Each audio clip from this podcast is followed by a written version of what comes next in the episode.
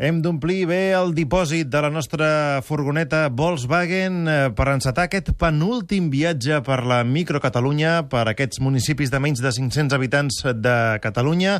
Avui és el torn d'anar fins a la Pera, al Baix Empordà, allà on Dalí va regalar un castell a gala.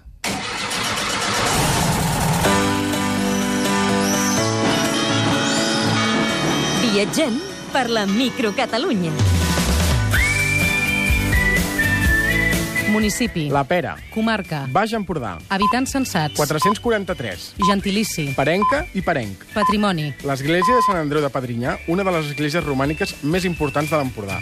Les seves pintures murals són al Museu d'Art de Girona. Què es pot fer? Anar a sopar unes tapetes al restaurant L'Escola. Bon menjar, un gran ambient de poble i molt bé de preu. Un bon moment per anar-hi? En proposem tres. A finals d'octubre fan la pujada als Àngels. Al mes de març hi ha una cargolada popular. I al juny de l'any que ve se celebrarà la vuitena edició del Jazz Pera, en el marc del Festival de Música Ítaca. Per què és conegut? Pel castell de Púbol, que Dalí va regalar a Gala. I qui és l'alcalde? Josep Pi i Negre, del grup Independents per la Pera. Micronyam. Edu Bayer, bon dia. Hola, molt bon dia. Avui deies que ens volies explicar la història d'un paleta que es eh, va dedicar finalment a fer pa. Compagina les dues coses, sí.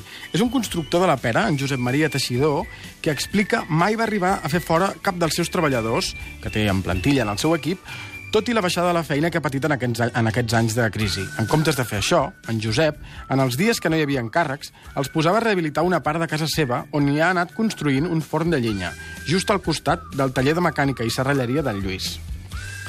Ja en funcionament al forn i ajudat per l'an- per l'antic flequer de la pera, el conegut Enric Salvà, en Josep Maria ara torna a fer pa al poble un cop cada 15 dies.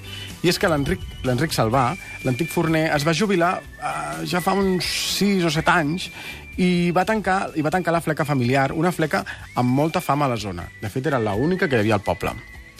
Ara, un dissabte cada 15 dies, en Josep Maria fa llonguets, pans de mig, pans de quilo i, com no, la coca de l'Empordà. I té molt èxit, eh? Tothom s'acosta a comprar pa, que el guarden al congelador perquè els duri fins a la pròxima fornada. Però no sé si ens van explicar que no, que no sempre ho aconsegueixen, sempre se'l sempre se'l mengen abans. No m'estranya. I com que diuen que pa i cervesa lliguen molt bé, un cunyat seu, en Miquel, també s'hi ha posat i està fent la primera cervesa artesana autòctona de la pera. S'anomena Pedra Blanca i en fan de diverses classes. La microimatge. La fotografia que ens porta avui l'Edu Bayer, tot i que la Pera, perquè Púbol eh, hi ha el Castell de Gala, que ja ho hem explicat, i per tant és un municipi turístic, però també encara viuen de la terra. Avui la microimatge és eh, d'una pagesa de la Pera. Sí, eh, és una pagesa en concret del nucli de Púbol. Eh, La Pera té Riuràs, Padrinyà, eh, La Pera i Púbol. Són els quatre nuclis principals que formen el municipi. I la de la foto és la Rosita, eh, que ja està una mica corbada de tant treballar. Eh, a la foto hi surt collint un manat de pastanagues i l'està netejant amb l'aigua del rec. Ella eh, rega, com sempre ha fet, inundant uns solcs i dirigint l'aigua amb l'ajuda de l'aixada. Res de gota a gota, ni mànegues, ni coses més modernes.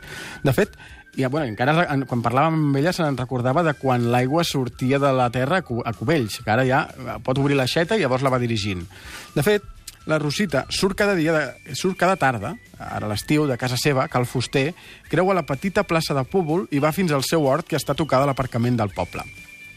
El seu hort està sempre molt ben cuidat i els turistes que passen sovint li fan fotos. Ella diu que la, se que la seva cara deu haver viatjat per tot el món. Aquest any ha sembrat una mica de tot a l'hort, però passa que les tomates, que és com diuen allà els tomàquets, eh, i són potser eh, el fruit més apreciat a l'estiu, perquè en aquesta, en aquesta època creixen eh, espectaculars, no han anat gaire bé. Les pluges han fet que les plantes agafessin més malalties i la producció està sent petita.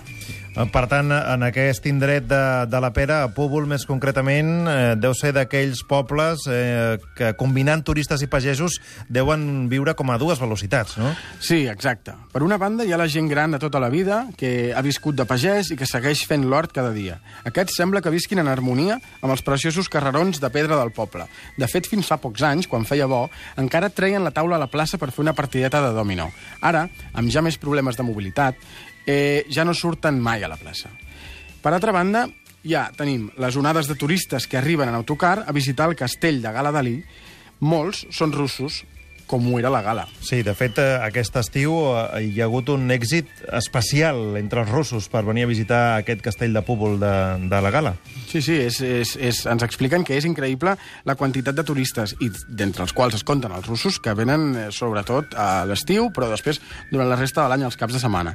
Solen travessar el poble en grup, escoltar les indicacions del guia, acabar al davant aixecant un paraigües, i els hi parla a través d'uns auriculars d'aquests eh, connectats sense, sense fils. Fan bastant de riure, la veritat. Aquest estiu fins i tot es veu que uns turistes molt rics van arribar a l'aparcament eh, van arribar a l'aparcament del poble en helicòpter. Van baixar, van visitar el castell i van marxar, tu. La Rosita, que és la protagonista de la nostra microimatge d'avui, devia quedar boca badada amb aquest helicòpter turístic de, dels No, russos. no ho sé si, ella, si el dia el va veure, no ho vam comentar amb ella. La Rosita per això no li fan gaire gràcia, aquests turistes, perquè diu que tot aquest moviment no aporta gaire al poble, i en canvi l'embruta bastant. Però diu que mentre ell i la deixen tranquil·la, ja s'ho faran, tu. La imatge d'avui, la Rosita, les seves pastanagues i aquest tort tan ben cuidat eh, que ja podeu veure a través del Facebook i el Twitter del programa. Gràcies, Edu. Fins demà. A vosaltres, fins demà.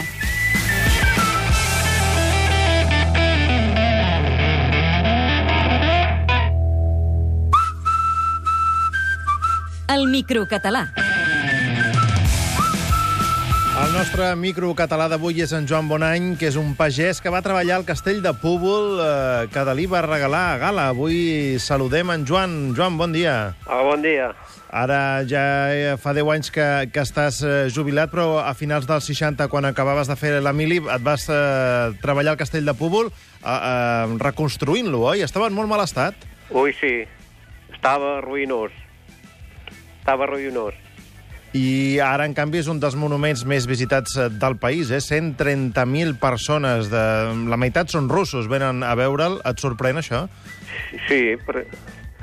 Sempre, sempre et dic un fam, ell.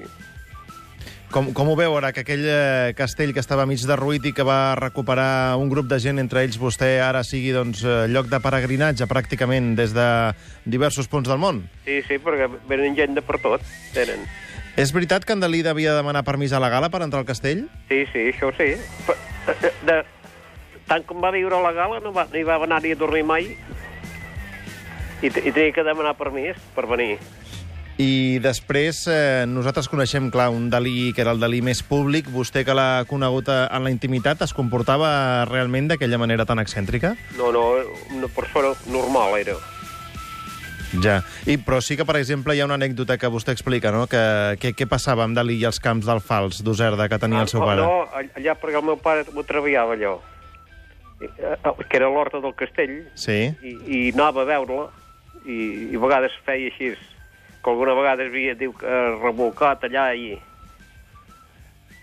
I les festes de, de Dalí que feia al castell, eh, fins i tot venia la família d'en Franco. Ah, sí, una vegada va, va, els, va, els van, varen venir. I al final ell pagava totes les factures o no? Ah, ah no sé qui ho pagava, això. no, perquè el cavall que hi ha eh, el va fotografiar amb la neta d'en Franco. Sí, I va fer una foto. O, ai, una, una pintura sí, del cavall que hi ha al castell. sí. En definitiva, Joan, Púbol, amb els anys, vostè creu que ha guanyat o que ha perdut? Oh, també, sí, ha guanyat també, ha guanyat, perquè també hi treballen gent d'allà del poble. Ja. Joan Bonany, moltíssimes gràcies. Molt bon dia. Vale, bon dia. Adéu.